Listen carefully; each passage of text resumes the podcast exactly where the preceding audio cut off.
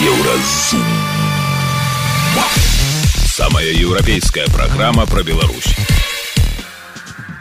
Вітаю, гэта праграма Еўразум. І самыя важныя падзеі сэнсы панядзелка 11 снежня. У чым сэнс апошняга турне Лукашэнкі? Я думаю, что это часть семейного бизнеса. То есть это не столько экономическое сотрудничество а, между странами, потому что э, э, экономическое сотрудничество должно быть продемонстрировано в цифрах. На дзяржпрадпрыемствах прымушаюць уступаць у белую Русь под погрозой звольнить. Честно говоря, у нас не было таких прецедентов, что вот прям заставляют человека. Это добровольное желание каждого быть членом гражданского общества или нет. Ці слушна мак дапусціў беларускіх і расійскіх спартоўцаў на алімпіяду і беларусі Россию і беларускіх расійскіх атлетаў ну, один радок поставілі Ну я бы так конечно не рабіў Пра гэта ды іншае больш падрабязна цягам бліжэйшай гадзіны. Еўразум. Беларусь у еўрапейскім фокусе. На мінулых выходных Александр Лукашенко выправіўся ў Афрыку, прычым наўпрост з Дубая, куды прыляцеў яшчэ два тыдні таму на кліматычны саміт і адкуль тэрмінова лётаў у Кітаі. Як піша палітолог Валерый Карбалевич, апошнія візіты Лукашэнкі выглядаюць дзіўна. Яны акутаныя таямніцамі і сакрэтнасцю. Напрыклад, у аб'яднаныя арабскія эміраты беларускі кіраўнік узяў з сабой 50 чалавек, але ў перамовах з прэзідэнтам гэтай краіны удзельнічалі апроч Лукашэнкі толькі ягоныя сыны, Віктор і Миколай. То бок сямейныя інтарэсы сталі аддзяляцца ад дзяржаўных. Цяпер вось Лукашенко наведвае экватэральную гвінею і Кенію, аднак эканамічныя адносіны з гэтымі краінамі ніякіх дывідэнтаў Беларусі не прыносяць. Тады з чым звязаная цяперашняе турне Лукашэнкі? Запыталіся ў гісторыка і паліталагіні Розы Турарбекавай. Что я могу сказать? Ну, человек как бы открывает направление новое внешней политики в совершенно неожиданном, неожиданных местах и странах. Вот Кения для меня вообще как бы интересно было бы посмотреть, какой там товарооборот и вообще с чего, из какого, с какой стати он туда поехал. А, тем более, что африканское направление для Беларуси и для белорусской внешней политики было всегда провальным направлением. А, по м, понятным причинам. А Африке нужны в первую очередь сильные партнеры, сильные государства сильной экономикой, которым бы могли бы дать в кредит. К, к ним Беларусь нет. Все остальное это какие-то, по-моему, странные серые схемы, которые мало похожи на экономическое сотрудничество, а не на что-то другое. Ну да тут шмат разоў говорили Ну тым больш э, хто ж там курыруе э, афрыканская так сказать все эту э, кошельки і, і справу фінансавую шейман э, вядомы э, такі чалавек які абсалютны бессеребрынік і все астатняе тут как бы конечно Я думаю, что это часть семейного бизнеса. То есть это не столько экономическое сотрудничество между странами, потому что экономическое сотрудничество должно быть продемонстрировано в цифрах, да, в значительных цифрах. Вот. Когда Лукашенко летит в Китай, мы говорим с вами об экономическом сотрудничестве. Да, у нас есть официальные цифры, есть история этого сотрудничества, есть там взлеты, может быть, какие-то там проблемы, но африканское направление, ну это есть, ничего такого там нет. Тым часам Еўросаюз абвясціў пра новую фінансавую падтрымку для беларускіх дэмакратычных сілаў і грамадзянскай супольнасці. Гэта адбылося падчас візіту ў Брусель святланы ціханаўскай. Верхоўны прадстаўнік еўрапейскага саюза па замежных справах і палітыцы бяспекі Жазеп Барель адзначыў, што у ЕС усе ў курсе пра тое, што адбываецца ў Беларусі, таму санкцыі супраць рэжыму Лукашэнкі будуць працягвацца. Ці ўплываюць гэтыя абмежаванні на рэжым лукашэнкі? Ці ёсць ад гэтага эфект? Працягвае роза турарбекова если говорить об американских санкциях, то американские санкции э, быстрее достигают своей цели, а, в том смысле, что именно они э, первыми начали а, использовать этот вид давления. А, они же учредили офис, который занимается тем, что специально отслеживает, насколько данные санкции действительно воплощаются, кто их обходит и как этих людей наказывать. Это, и в связи с этим принимаются уже вторичные санкции, то есть санкции в отношении сторон, которые не соблюдают соблюдают данные а, ограничения. В этом смысле Соединенные Штаты продвинулись гораздо дальше, чем Европейский Союз. Соединенные Штаты, э, в общем и целом, давно, э, скажем, как это, практикуют а, и отраслевые санкции, и финансовые санкции. При этом именно в США э, как бы вот, пришли к выводу, что финансовые санкции являются наиболее эффективными. Более эффективными, чем санкции, которые накладываются на торговлю, например. Вот. Что касается Европейского Союза, то Европейский Союз очень долгое время не хотел э, как бы вводить секторальные санкции, считая, что таким образом наносится вред не столько, а, там, я не знаю, режиму, сколько обществу. Но э, после начала войны и даже э, ранее, в преддверии войны, э, именно в отношении Беларуси впервые э, были применены секторальные санкции. Но проблема заключается в том, что Европейский Союз по сравнению с Соединенными Штатами не продвинулся так далеко в плане преследования тех э, э, сторон компаний да, и стран, которые нарушают этот санкционный режим. Они только сейчас подходят к этой идее вторичных санкций. Они только сейчас начинают, пытаются учредить этот офис, который будет этим заниматься. И Европейский Союз, как вы сами понимаете, не Соединенные Штаты. Соответственно, мы с вами должны различать американские санкции, европейские санкции, американские санкции как более эффективные. Не потому, что это Соединенные Штаты, а потому что они в этом деле уже, в этом бизнесе, как говорится, давно. Э, Европа гораздо позже позже, поэтому отсюда именно европейские санкции, которые были э, торговые, в основном торговые ограничения, они э, в большей степени обходятся. Поэтому как бы здесь и, и возникает вот этот вопрос. А, достижение цели санкционными средствами. А, а, эти цели достигаются, но, к сожалению, не так быстро. Вот. Я вот, например, смотрела специально и писала, вот скоро будет, наверное, презентация этого исследования по санкциям. Я смотрела и мне показалось, что нам ближе пример, там, например, не какого-нибудь Ирана или Северной Кореи, ну, я Россию в сторону отодвигаю сейчас, а, скорее всего, Бирмы. И там, по моим вот вот э, по моему исследованию получается, что от момента введения санкций до начала ведения переговоров э, с режимом, когда режим пошел навстречу, да, а, прошло где-то в районе 10 лет. То есть э, даже с этой точки, и это успешный пример да, того, как повлияли санкции. Поэтому, ну, что я могу сказать? Вот так вот у нас с вами такая ситуация. Уже не говоря о том, что у Бирмы был, был менее благоприятный международный контекст, а у Беларуси, у Лукашенко сейчас более благоприятный народный контекст.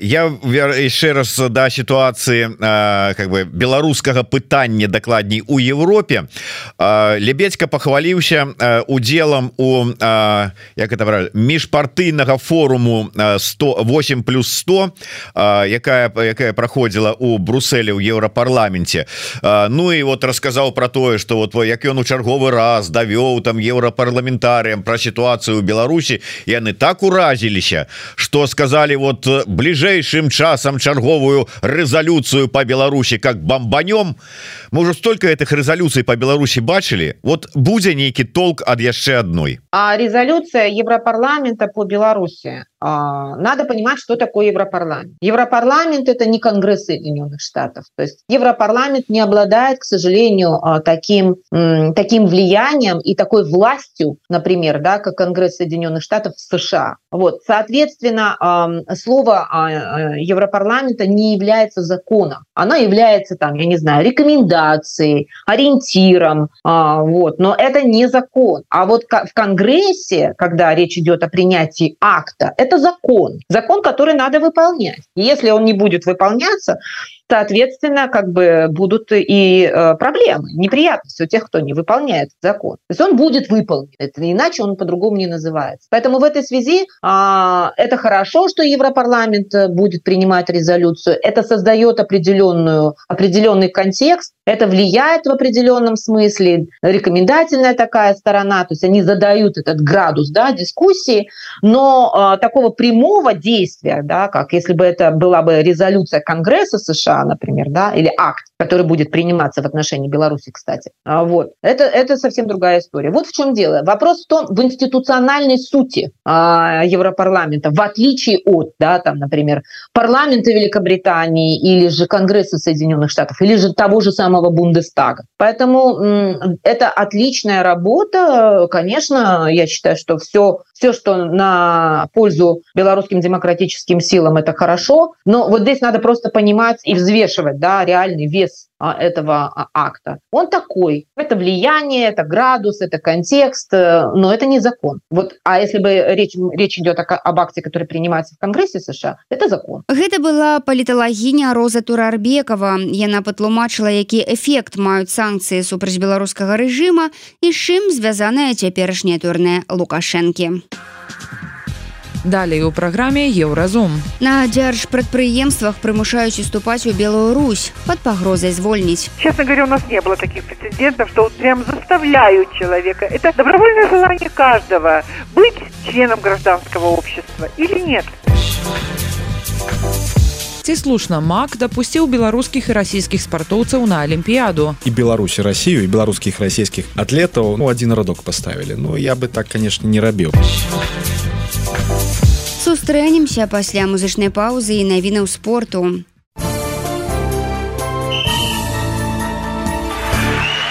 На еўрарадыё навіны спорту у мінску незадаволеныя умовамі допуску беларускіх атлетаў да алімпіяды ў парыжы. Нацыянальны алімпійскі камітэт назваў іх вельмі дыскрымінацыйнымі. Пры гэтым сам допуск вітаецца. Паводле нядаўняга рашэння міжнароднага алімпійскага камітэта беларусы які расіяне дапускаюцца на гульні як індывідуальныя нейтральныя спартсмены і з пэўнымі умовамі. у З футбольнага салігорскага шахцёра сышоў галоўны трэнер Алексей Бага па пагадненні бакоў. Два гады таму Бага правёў каманду на чэмпіёнства, а сёлета яна змагалася за месца ў эліце, паколькі з-за справы аб дамоўных матчах з яе былі зняты ачкі пуцёўку ў вышэйшую лігу беларускага футбольнага чэмпіянату заваяваў віцебск. У пераходных матчах віцебская каманда абыграла энергетык бДУ спачатку была нічыя 00 у сталіцы а пасля віцебск выйграў на сваім поле 10 у беларускай хакейнай экстралізе віцебск прайграў у оршы у авертайме лакаматыву 34 шахцёр разграміў ліду 50 віцебск лідзіруе з 55 ачкамі а ў салігорцаў на один бал менш. у У абноўленым рэйтынгу жаночай тэніснай асацыяцыі Арына Сабаленко захавала за сабой другое месца, Вікторыя Азаренко 22. Александра Сасновіч паднялася з 92 месца на 90. Першай ракеткай свету застаецца і гасвёнтак з Польшчы. Гэта былі навіны спорту, заставайцеся на еўрарадыё.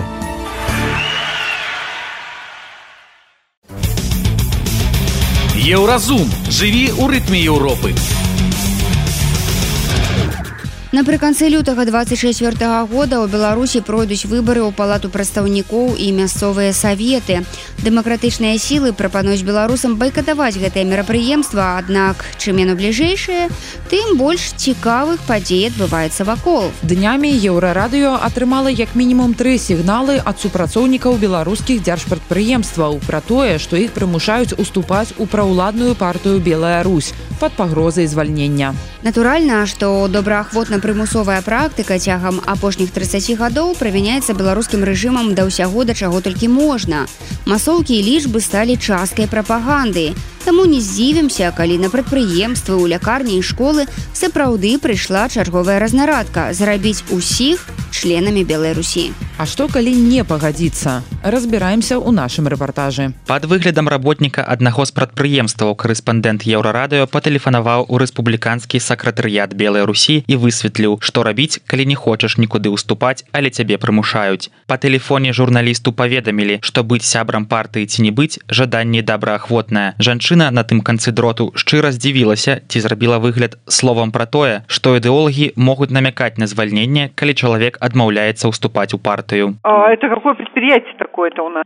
Тамінск Ничего себе. Не, ну намекать можно все, что угодно, понимаете? У вас можете говорить о том, что вы консультировались с республиканским э, секретариатом республиканской партии «Белая Русь», и нам подтвердили, что это добровольное желание каждого человека. На пытанне, что рабіць, калі ўсё ж дойдзе да якога-небудзь разбіральніцтва, супрацоўніца «Белой Руси» адрэагавала эмоцыйна. Да ну, я вас умоляю, никуда это дело не дойдет. Ну, вы придумали, что ну уже прямо там, ну, это, честно говоря, у нас не было таких прецедентов, что что прям заставляют человека. Это добровольное желание каждого быть членом гражданского общества или нет? Это, я думаю, вы уже что-то преувеличиваете. Не может, не могло быть уже прям так назидательно. У канцы размовы яна запэўніла, што ў Белай Русі ніхто ніколі не ставіў мэты сілай заганяць людзей. Выслухаўшы аргументы афіцыйных прадстаўнікоў партыі, еўрарадыё спытала ў палітычных экспертаў, з чым менавіта могуць быць звязаныя паведамленні грамадзян пра прымусовае уступленне. Палітолог Валеры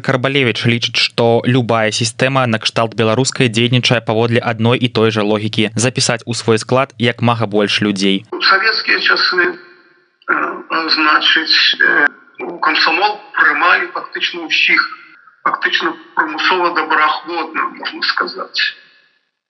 Была установка каб неахопленых комсомолам людзей не было полностью цалкам дасягна дасягнуць гэта была не атрымоўвалася ну але установка была такая ось ну і паколькі беларускі палітычны рэжым пераходзіць ад аўтарытарнага рэжыму да тоталітарнага то ну, мусіць і тут такія тэндэнцыі з'яўляюцца скажем брсм усіх запісан увесь клас вся група студэнцкая там вся бригада калі маладзёвая ну і ў белую Русь таксама заганяць аднак вялікага сэнсу карбалевич у гэтым не бачыць бо падчас падзей 2020 года усе праўладныя арганізацыі раптоўна зніклі. Іх не было бачна ўвогуле. Ні прафсаюзы ні брсм ні, ні белай русі увогуле не было. Тыя праўладныя акцыі якія адбываліся яны фактычна былі арганізованымі органамі ўлады А вот тыя грамадскія арганізацыі, якія нібыта з'яўляюцца грамадскімі арганізацыямі праўладных увогуле не быў. І дарэчы Лукашенко потым не раз упікаў гэтым арганізацыямі гэтым лідарам маўляў, дзе ж вы былі. Дарэчы Лукашенко зноў ужо вельмі скептычна паставіўся да ператварэння белай русі ў партыю нават тое, што не прыйшоў на з'езд прывітанне даслаў.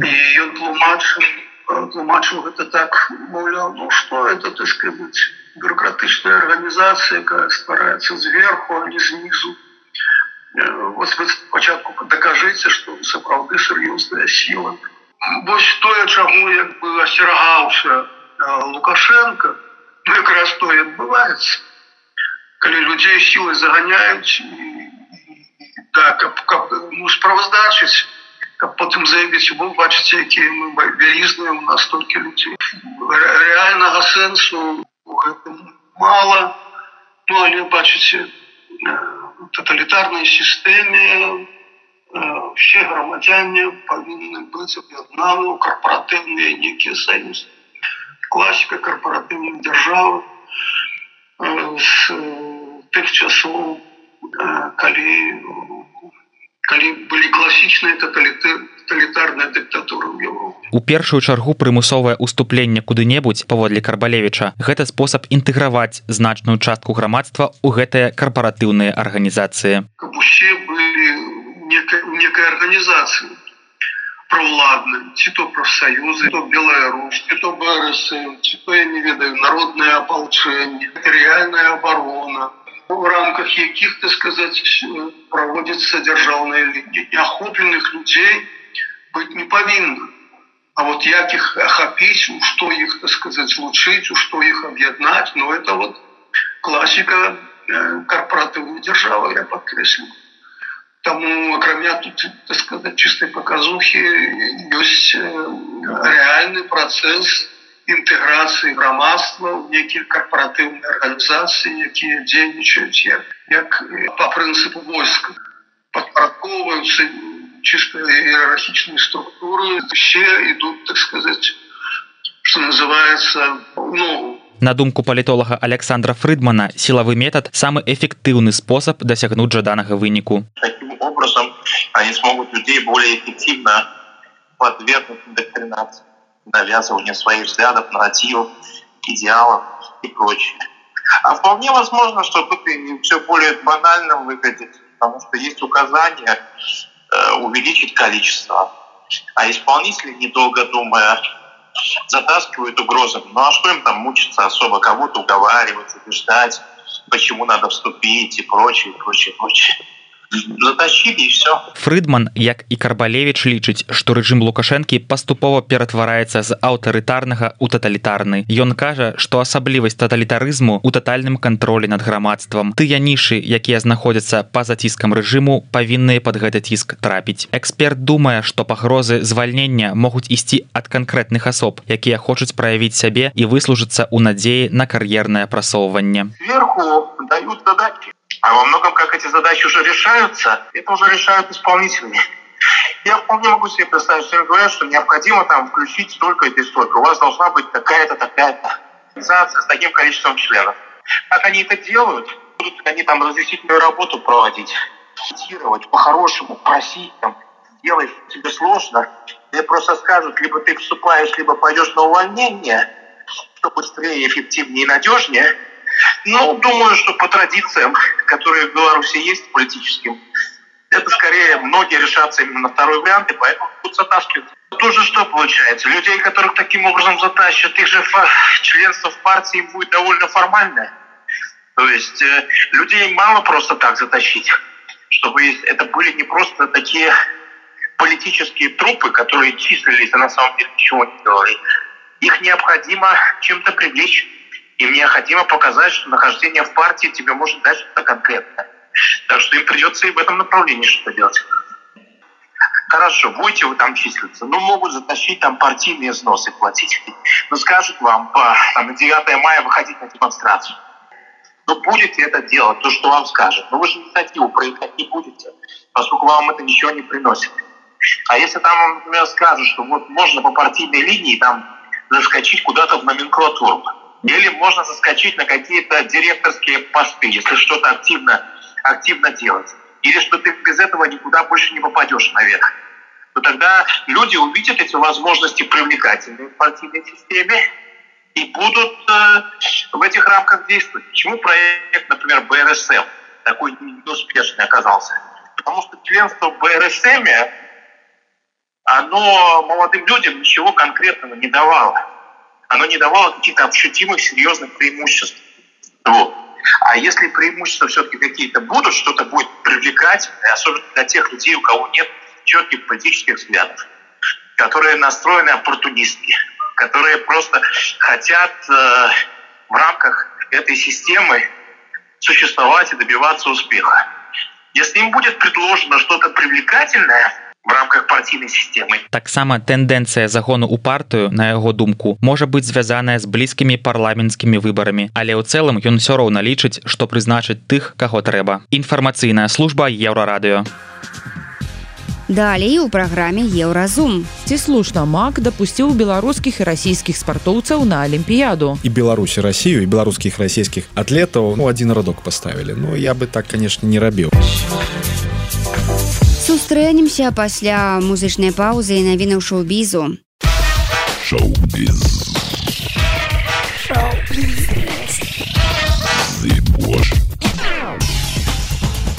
навіны шоу-бізу на еўрарадыё Кніга беларускай пісьменніцы Евы вежнавец па што ідзеш воўча трапіла ў трыцатку найлепшых кніг за 23 год па версіі чэшскага літаратурнага часопіса літаратура пераклад твора на чэшскую мову быў зроблены беларускім паэтам і літаратарам Масімам шчурам. Літаратурны портал піша пра кнігу менавіта так. Яркі аповед вясковай жанчыны пра 20 стагоддзя круціцца як раз'юшаная цэнтрыфуга. Гісторыя не пакіне ў спакоі тых хто адчувае што іх нічым ужо ў еўрапейскай гісторыі не здзівіць. Як хто хто-небудзь здолеў выжыць. Вядучая беларуская пісьменніца якая цяпер жыве ў польшчы гаворыць не толькі пра пакуты але перадусім пра стойкасць і нязлобную неперакору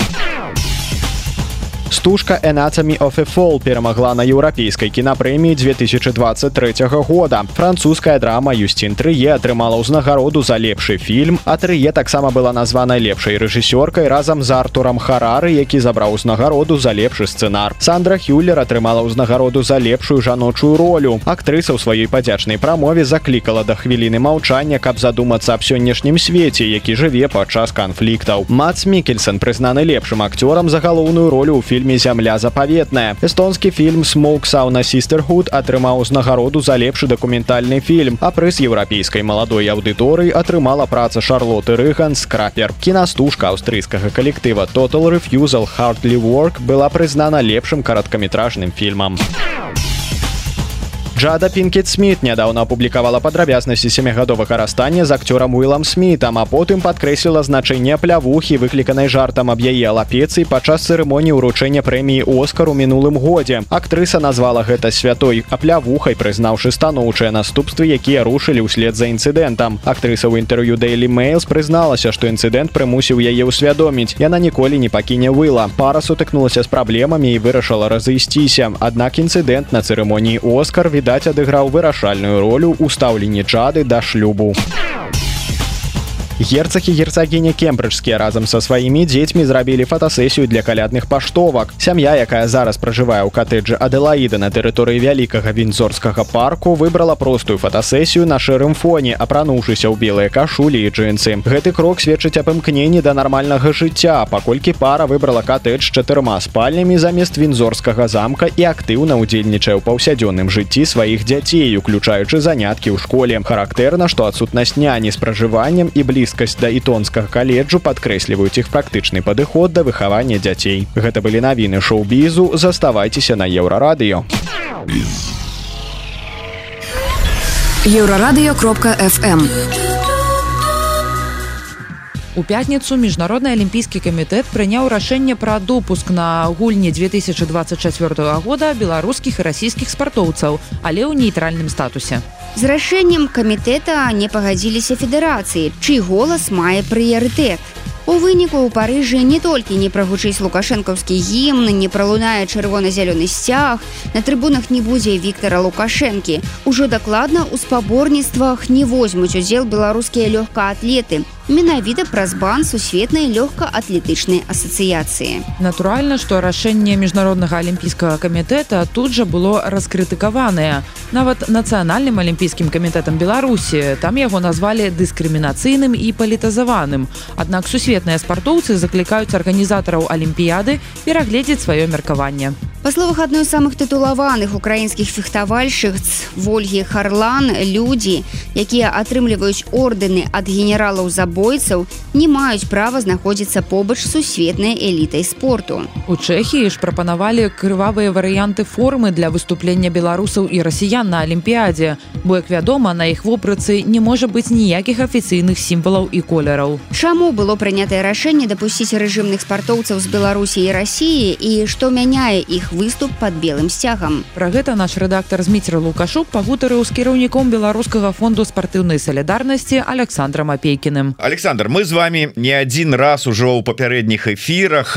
так чыста тэарэтычна абмяркоўвалі разважалі на тэму калі ўсё ж такі функцыянеры і чыноўнікі ад міжнароднага спорту попаляцца і пожадаюць перагарнуць старонку у адносінах с лукашенко найперш. Але я так не чакаў что вот так па-першае гэта хутка адбудзецца. А по-другое что расійскія і беларускія спортсмены потрапяць у одну катэгорыю. Ці памыляюся ці это не хутка і нема тут ніякай трагедыі. Як вы оцениваете всю эту ситуацию Ну па-першае гэта сапраўды не хутка як бы адбылося. По-другое сапраўды няма як бы такой сур'ёзнай вялікай трагедыі. Ёсць канешне нюансы. Ну такого больш напэўна маральна этычна як бы да узроўню. Але сказаць что гэта нейкая там сапраўды вялікая трагедыя Ну я бы так не казаў. І сапраўды трэба разумець что гэтае рашэнне якое прыняў міжнародны алімпійскі камітэт яно ў прынцыпе даволі узважанае і я бы сказаў што збольшага збольшага сёння яно адпавядае рэчаіснасці Мачыма толькі я бы ўсё ж таки паставіў под пытанне допуск расійскіх атлетаў бо ўсё ж таки Росія гэта краіна прамы агрэсар супраць Украіны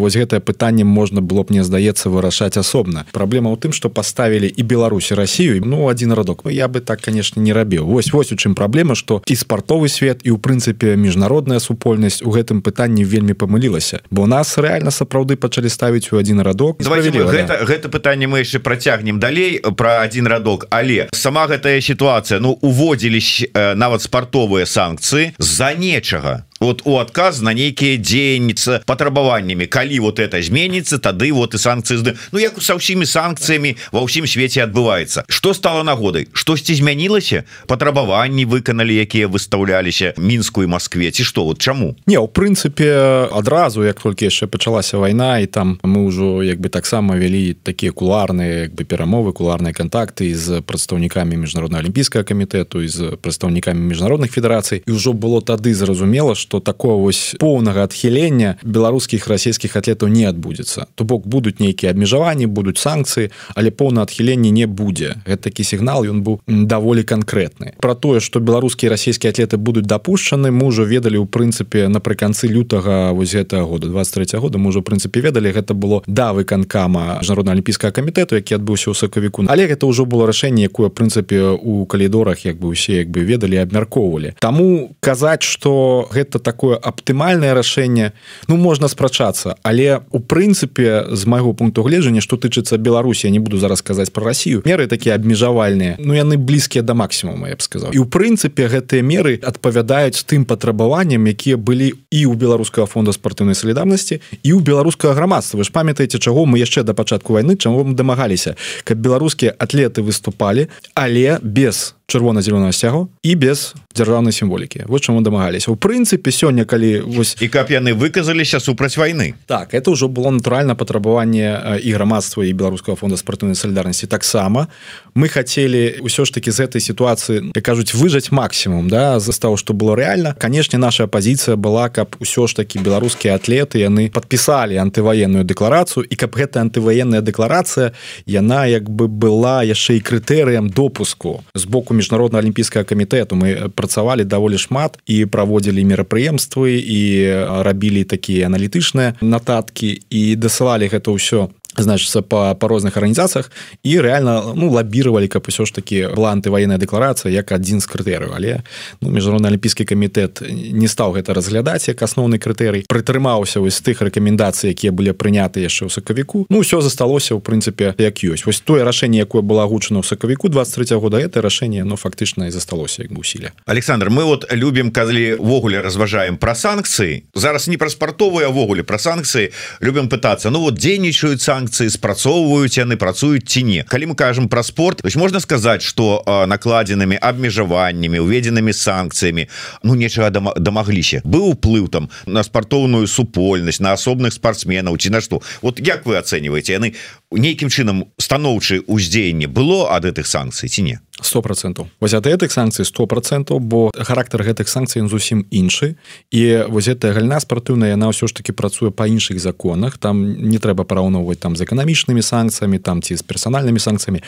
Але менавіта ў гэтай галіне як толькі былі ўведзены першыя санкцыі ў снежні два -го году першыя санкцыі гэта як мы памят памятаем там былі уведзены абмежаванні за парушэнне правоатлетаў палітычны пераслед беларускіх атлетаў вось былі ўведзены першыя санкцыі ў снежні два -го году і адпаведна адразу амаль адразу пасля да спыніўся пераслед прадстаўнікоў спорту. Ён скараціўся. Я не сказал что он спыніўся ён значна скараціўся. Ужо пасля санкцый якія былі ўведзены у лютым до 22 году я бы сказаў что палітычны пераслед і увогуле нейкі такі ціск у беларускім спорце ён зменшыўся. Все ж таки ну наколькі я зараз назіраю тое что адбываецца ў беларускім спорце ўсё ж таки пэўныя пазітыўныя тэндэнцыі яны ёсць сапраўды. Зараз ужо няма як бы няма кого просто рэпрэсаваць. Ну, ты кого так. хто умоўно кажучы заслужыў тых выціснули з-за межы краіны альбо засталіся хто са спартоўцаў за кратамі. Астатнія як маўчалі такі маўчаць. Ну я тут усё ж таки паспрачаюся. Па-першае калі мы памятаем адкрыты ліст беларускіх атлетаў подпісала больш за 2000 чалавек з якіх з краіны з'ехала Ну там прыкладна больш за 100 астатнія засталіся ў краіне. То бок ёсць спорте засталі у спорце засталіся. Ёсць людзі падпісанты якія працуюць у спорт Ну відаць пакаяліся я ж чуў что пісалі пакаяльныя лісты Ну мы гэта не ведаем ці яны пакаяліся там ці не пакаяліся але ніхто свой подпіс з нашага ліста ніхто свой подпіс не забраў гэта вельмі важный факт. Яшчэ такі факт что калі мы памятаем на алімпіаду Токія паехалі і падпісанты нашага ліста і яны былі уключаны ў нацыянальную каманду ніхто іх там асабліва не прыцісняў то бок было натуральна пытанне там выкрасліць іх там з складу нацыянальнай каманды але яны ўсё ж таки паехалі на алімпійскія гульні нягледзячы на тое што яны былі падпісантамі гэтага ліста. І зараз вось ну як я уже бачу як я уже назіраю у прынцыпе по некаторых суполках по некаторых федэрацыя федэрацыях ёсць нават гатоўнасць подпісаць і антываенную дэкларацыю калі гэта дазволіць э, выступіць на алімпійскіх гульнях. Ёсць такая да, есть такая готовнасць людзей разумееце? Працягваем размову з александром апейкіным. Гэта азначае что то есть яны згодныя выступіць под нейтральным сцягам под белым. Ну самі спортсмены я не выключаю что дзеля того каб узяць удзел у таких ўсё ж таки спаборніцтвах а спортсмены до да гэтага імкнуцца і до да гэтага рыхтуюцца. Это как бы такая вельмі планка солідная але але кіраўніцтва бюрократы беларускія ад спорту. Яны на это пагодзяцца. Я вось сёння бачыў навіну про тое что нацыянальны алімпійскі камітэт нібыта вот сказаў что вот это добра что вы тут такое рашэнне прынялі дарагія вы наши міжнародны алімпійскі камітэт але дыскрымінуеце беларускіх спартоўцаў ўсё одно то есть ці не азначае гэта что яны не вельмі так как бы і хочуць каб бралі удзел беларускія спартсоў спартоўцы на таких умовах? Ну это это такая позиция дэкларатыўная нашим и вашим. Ведаеце все ж таки нацыянальны алімпійскі камітэт ён як бы не аддзяляецца от палітычных працэсаў это ну, нереально.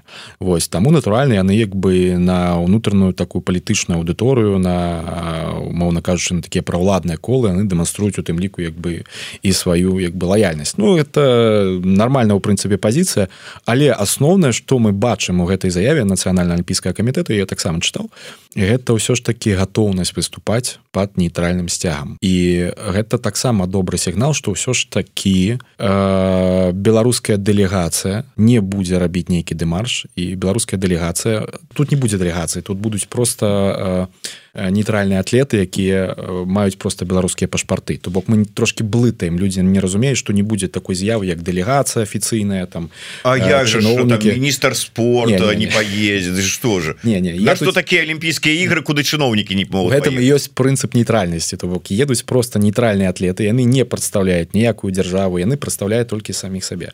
Вось гэта просто грамадзяне беларусі з беларускім пашпартам гэта просто атлеты якія э, не прадстаўляюць дзяржаву. Натуральна тэхналогіі прапаганды яны дазваляюць это там по-рознаму показваць Вось але э, по факту ніякай дэлегацыі як такавой як бы не будзе. Але гэта таксама я лічу добра што ўсё ж такі беларускія атлеты яны змогуць выступіць. І нават з нашай пазіцыі мы ўсё ж такі лічым што гэта э, для беларускага грамадства таксама добрая сітуацыя ўсё ж такі калі беларускія атлеты паедуць на алімпійскія гульні паедуць без чырвона-зялёнага сцягу то бок это не будзе азначаць перамогу э, значыцца рэжымнай сімволікі Вось і але ўсё ж такі мы зможам як бы нейкім чынам захаваць беларускі спорт на перспектыву. Я хацеў удакладніць. Мы неяк вот все думаем что гэта дазвол міжнародна алімпійскага камітэта тычыцца толькі тых спорт спартоўцаў якія засталіся ў Беларусі якія по-ранейшаму там уваходзяць у федэрацыі лукашэнкаўскія і гэтак далей. Ты спортсмены якія выехалі якія таксама хочуць працягваць спартовую кар'еру. Маюць магчымасць? Натуральна канешне бо у прынцыпе по рэкамендацыях міжнародна алімпійскага камітэту заяўляць нейтральных атлетаў маюць права міжнародныя федэрацыі то бок не нацыянальныя федэрацыі зараз а міжнародныя федэрацыі і адпаведна усе тыя атлеты якія выехалі якія якія выканалі нарматыў спартыўныя яны могуць э, роўненька калены праходзіць кваліфікацыю яны могуць роўненька ехаць на алімпійскія гу як нейтральныя атлеты як грамадзяне Беларусі і яны маюць такі ж самы статус як і ты атлеты якія умоўна кажучы едуць ад нацыянальна алімпійскага камітэту. Але яны ж едуць не аднак Беларусі яны едуць самастойна як нейтральныя атлеты. Ось у чым калі мы дамагаемся гэта права что э, тычыцца лёгкай атлетыкі выступаць э, грамадзянам Беларусі то натуральна мы перш за ўсё як бы думаем про э, тых атлетаў якія э, выказалі сваю грамадзянскую пазіцыю якія выступілі супраць вайны супраць рэжыму. Але калі гэтае рашэнне будзе прынятае пра допуск яно будзе універсальным разумееце яно не А гэта пазіцыя міжнароднага федэрацыі лёгкай атлетыкі як яна ўплывае на незалежных атлетаў? Допуск не допуск. Яны не дзеляць нас на там умоўно кажучы свабодных несвабодных. Калі вот, калі вот да. міжнародная федэрацыя лёгкай атлетыкі кажа что мы супраць і мы не как бы не допуска прымаем рашэнне аб не допуску усіх то есть это ўсіх тады беларускіх так натуральна не будзе такого размежавання что гэтых ну Мачыма там у нейкім э, некае выключэнне там будзе але ну натуральна таких інструментаў просто няма. Рабіць э, допуск праз нейкае выключэнне там да. Ну таких інструментаў няма. Калі такое рашэнне будзе прынята оно будзе універсальным. І у прынцыпе гэта правильно вось ну я лічу что натуральна ёсць там атлеты прапагандысты але асноўная э, частка беларускіх спартоўцаў гэта людзі з нармальнай грамадзянскай пазіцыі не ўсе як бы мелі вось гэтую смеласць там і выказаць і гэтак далей. Я ўпомню на сто процентаў что гэта нармальныя людзі нармальныя грамадзяне беларусі якія нікого не забівалі там умоўно кажучы да вось гэтыя санкцыі яны там абмежаванні яны не павінны на іх распаўсюджвацца як на атлетаў. Вось ёсць прапагандысты прапагандысты калі ласка там выконваеце сваю прапагандысцкую ролю там і заставайцеся ў беларусе все астатнія яны ў прынцыпе маюць такія шансы яны прынцыпе маюць такое ж самае право права выступаць. Гэта быў кіраўнік беларускага фонду спартыўнай салідарнасці александр апейкін. Ён распавёў наколькі справядлівае гэтае рашэнне дапусціць пра лукашэнкаўскіх беларускіх спартоўцаў на алімпіяду і ці патрапіць туды вольныя спартоўцы. Еўрарадыё. Твоя улюбёная хваля. Гэта была праграма еўразум штодзённы інфармацыйны падкаст еўрарадыё. Кожны дзень мы распавядаем пра галоўныя навіны беларусі і свету. А сённяшні выпуск скончаны. Беражыце сябе. Пачуемся. Еўразум самая еўрапейская праграма пра Беларусь